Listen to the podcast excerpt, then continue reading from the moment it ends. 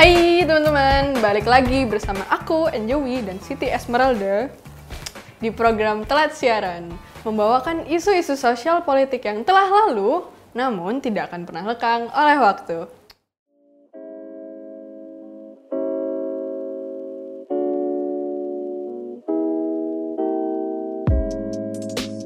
Di isu pertama yang akan kubawain nih mengenai PSBB transisi atau new normal. Gubernur DKI Jakarta Anies Baswedan menerapkan kembali PSBB transisi karena situasi pandemi COVID-19 diklaim sudah lebih stabil. Beberapa tempat hiburan juga sudah diizinkan untuk dibuka. Salah satunya adalah bioskop. Nah, mungkin selama ini teman-teman sekalian yang harus social distancing di rumah terus, kayak bosen main ke bioskop nih. Ada beberapa aturan yang harus diterapkan seperti perizinan dan penerapan protokol kesehatan. Yakni maksimal pengunjung yang dilayani hanya 25% dari kapasitas dan jarak antar tempat duduk minimal 1,5 meter serta selain itu peserta dilarang berpindah-pindah tempat duduk dan lalu lalang udah biasa nggak sih kayak nggak mungkin juga kan kalian duduk di kursi 3A tahu-tahu kalian pindah tuh ke paling belakang sendiri mojok gitu santai lah Selain itu, alat makan dan minum disterilisasi dan pelayanan makanan dilarang dalam bentuk prasmanan.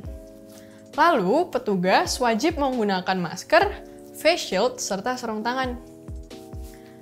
Pemprov DKI Jakarta sudah menerbitkan izin operasi terhadap tiga pengelola bioskop. Ketiga bioskop tersebut adalah Cinema 21, CGV, dan Cinepolis. Namun, hanya CGV dan Cinepolis yang memastikan buka. Sedangkan Cinema 21 memilih tetap absen meski sudah mengantongi izin. Cinema 21 belum bisa memastikan jadwal pembukaan bioskop di Jakarta karena masih menunggu instruksi yang akan dikeluarkan oleh Dinas Pariwisata dan Ekonomi Kreatif. Pemerintah Provinsi DKI Jakarta berkata bahwa selama ini PSBB dievaluasi setiap 14 hari. Dan ini juga yang menjadi alasan kenapa Cinema 21 ini menunggu instruksi terbaru dari Dinas Pariwisata DKI Jakarta. Selain itu, kendala yang dihadapi juga adalah keterbatasan film yang akan ditayangkan, baik film Hollywood maupun film nasional.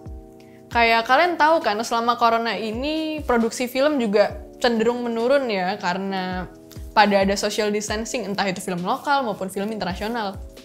Mulai marak dibukanya kembali bioskop mungkin karena adanya anggapan bahwa menonton bioskop ini bisa meningkatkan imunitas. Ini menurut pernyataan juru bicara Satgas COVID-19. Padahal menurut aku sendiri nih, menonton film emang bisa membuat penonton merasa senang, apalagi setelah sekian lama dikunci di rumah. Tapi, apakah hal ini bisa mencegah penularan virus COVID-19? Belum tentu dong. Untuk berita selanjutnya nih, kita bakalan bahas mengenai vaksin corona. Sebuah hal yang tentu aja kita semua tunggu-tunggu dan nanti-nanti, karena siapa sih yang gak mau corona cepet pergi gitu kan ya.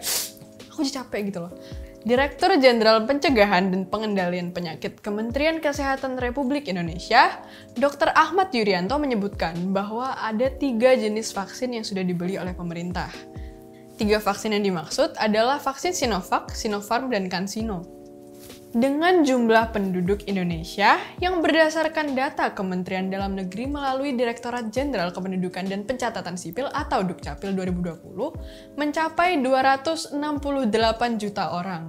Nah, pertanyaannya gini nih teman-teman, mungkin nggak sih hanya orang-orang dengan privilege akses terhadap kesehatan yang layak, yang tinggal di daerah dekat dengan rumah sakit dan akses uh, kesehatan yang lain, yang bisa mendapatkan vaksin ini? Lantas, bagaimana dengan teman-teman kami, teman-teman kita semua yang tinggal di daerah 3T, terluar dan terbelakang misalkan, atau di daerah-daerah perdesaan yang belum tentu bisa mendapatkan vaksin ini?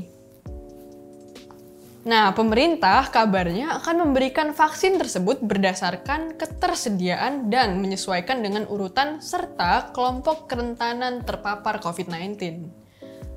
Idealnya, Skala prioritas atas pemberian vaksin COVID-19 ini dibatasi pada yang pertama tenaga kesehatan, yang di rumah sakit dan di laboratorium spesimen COVID-19 yang melakukan kontak ataupun tracing. Yang kedua, kelompok pelayanan publik yang memiliki resiko besar seperti Satpol PP, Polri, dan TNI. Yang ketiga, pegawai yang bertugas di bidang jasa pelayanan publik lainnya, misalkan di bandara, stasiun, pelabuhan, dan lain sebagainya. Nah, teman-teman kita sekalian nih yang bekerja di fasilitas pelayanan publik pasti bertemu dengan banyak sekali orang tiap harinya. Oleh karena itu, kemungkinan mereka untuk terpapar virus corona semakin tinggi. Selain itu, pemberian vaksin ini hanya dilakukan pada kelompok dalam rentang usia 18 hingga 59 tahun. Vaksinasi massal akan dimulai awal bulan depan, dan rencananya pemberian vaksin secara besar-besaran pada November atau Desember patut dipertanyakan.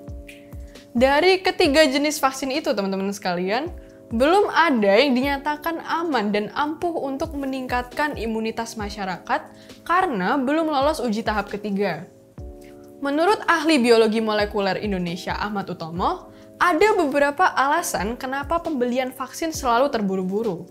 Sebab kita sekarang berhadapan dengan kondisi di mana permintaan vaksin lebih tinggi atau lebih banyak daripada produsen vaksin itu sendiri. Tentu saja hal ini menyesuaikan dengan sistem demand dan supply ya teman-teman. Ini menyebabkan harga vaksin ini semakin mahal. Nah, karena kita ingin mendapatkan bagian dan kita tidak ingin vaksinnya kehabisan, maka kita beli dahulu. Meski demikian, apabila vaksin yang dibeli itu efektif, maka nggak ada masalah dong ya. Tapi bagaimana kalau tidak efektif? Boros anggaran, banyak yang harus dikorbankan juga. Di berita terakhir, kita bakalan bahas mengenai pilkada nih, sebuah isu yang menjadi polemik di antara masyarakat. Kayak, ya kali di situasi corona seperti ini, pandemi kayak gini, ya kali pilkada masih diadain, ya kan? Komisi Pemilihan Umum atau KPU, DPR, dan pemerintah telah sepakat untuk tetap menyelenggarakan pilkada serentak pada 9 Desember 2020 mendatang. Meskipun tren kasus COVID-19 masih meningkat. Kepala Bagian Perundang-undangan Direktorat Jenderal Otonomi Daerah Kementerian Dalam Negeri atau Kemendagri, Saidiman Marto mengungkapkan bahwa ada lima urgensi pelaksanaan pilkada serentak 2020 di masa pandemi COVID-19. Alasan yang pertama nih, katanya pelaksanaan pilkada di tahun 2020 merupakan keputusan bersama antara pemerintah, DPR, dan penyelenggara pemilu. Yang kedua, wujud kedewasaan bangsa Indonesia dalam demokrasi adalah dengan menjadikan pilkada sebagai momentum untuk memerangi pandemi COVID-19. Yang ketiga, mengurangi praktik kepemimpinan pemerintah daerah yang terlalu banyak dipimpin oleh pejabat sementara atau pelaksana tugas atau PLT nih yang memiliki kewenangan terbatas. Yang keempat adalah harapan terpilihnya kepala daerah yang dipercaya publik karena terbukti mampu menangani pandemi COVID-19 di daerahnya. Nah, yang kelima nih teman-teman, yakni untuk memacu perekonomian di tengah krisis COVID-19. Sebagian besar pihak menilai, termasuk aku nih, pilkada serentak ini bisa membuka potensi terjadinya penularan virus yang lebih masif di tengah masyarakat. Oleh karena itu, pilkada serentak ini perlu ditunda hingga kondisi pandemi mereda dan memungkinkan dilakukan pilkada serentak. Menurut juru bicara Presiden Fajrul Rahman, melaksanakan pilkada di tengah pandemi bukanlah sesuatu yang mustahil. Hal ini mengingat sejumlah negara seperti Korea Selatan dan Singapura tetap menghelat pemilihan umum sambil tetap menerapkan protokol kesehatan. Padahal, Korsel dan Singapura menjalankan pemilu ketika kasus aktif COVID-19 mulai menurun. Korea Selatan yang menggelar pemilu kala 15 April 2020 memiliki rata-rata kasus aktif COVID-19 yang telah turun sekitar 58% dalam sebulan. Sedangkan pemilu Singapura diadakan pada 10 Juli 2020, di mana rata-rata positif corona telah menurun sekitar 67% dalam sebulan. Sedangkan di Indonesia, kasus baru COVID-19 terus bertambah. Jalan untuk menunda kontestasi ini sebenarnya terbuka lebar.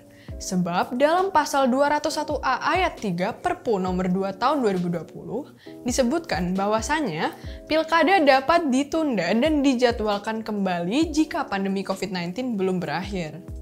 Nah, di sini aku punya pertanyaan nih. Kira-kira mana sih yang lebih urgent untuk menangani corona atau untuk melaksanakan pilkada serentak? Toh juga rata-rata kepala daerah ini masih akan memiliki masa kepemimpinannya hingga tahun mendatang. Nah, sampai pada penghujung episode nih, teman-teman sekalian. Kalau misalkan kalian masih mau lihat aku di telat siaran, boleh banget like, comment, dan subscribe. Dan kalau misalkan kalian punya saran nih, kira-kira Enjovi harus bahas apa ya di kesempatan selanjutnya nih?